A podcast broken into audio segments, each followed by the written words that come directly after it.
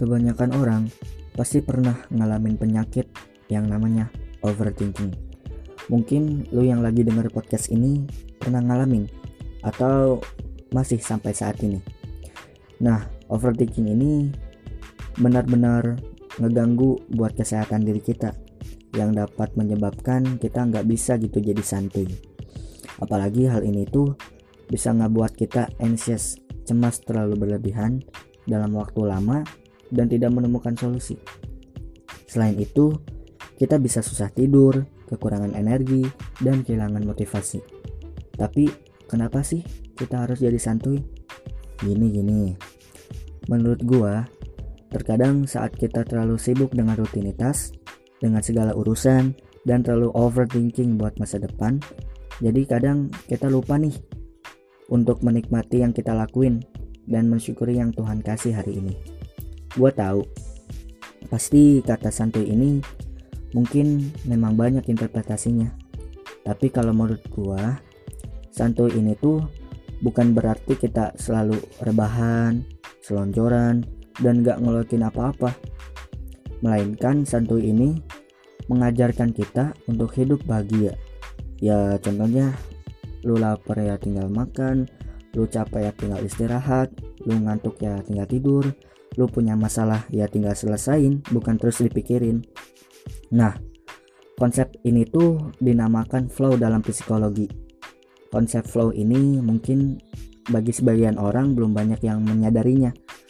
Konsep flow ini terjadi saat kita benar-benar fokus dengan hal yang sedang kita lakuin sampai-sampai kita nggak peduli dengan banyak hal yang terjadi di sekitar kita dan tanpa sadar kita menikmati nyaman dengan apa yang sedang kita lakuin.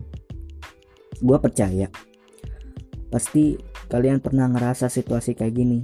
Entah itu kalian lagi main game atau ngelakuin hal-hal yang kalian suka gitu. Yang bisa ngebuat kalian sampai lupa waktu, lupa makan, dan lain-lain.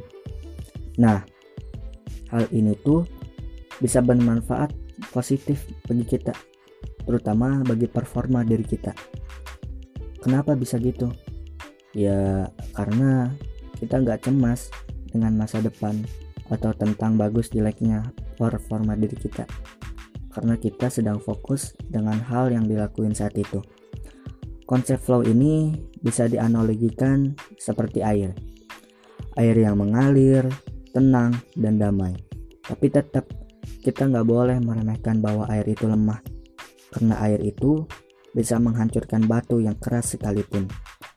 Jadi, hidup santuy dan fokus ini benar-benar punya benefit yang bagus bagi kita. Dengan kita santuy, kita go with the flow. Kita juga bisa fokus dan menikmati apa pun yang kita lakuin tanpa ada rasa overthinking lagi. Mungkin itu aja yang bisa gue sharing di episode hari ini. Gue harap podcast ini bisa bermanfaat seenggaknya muncul kesadaran di diri lu masing-masing. Sekian dari gua. Terima kasih.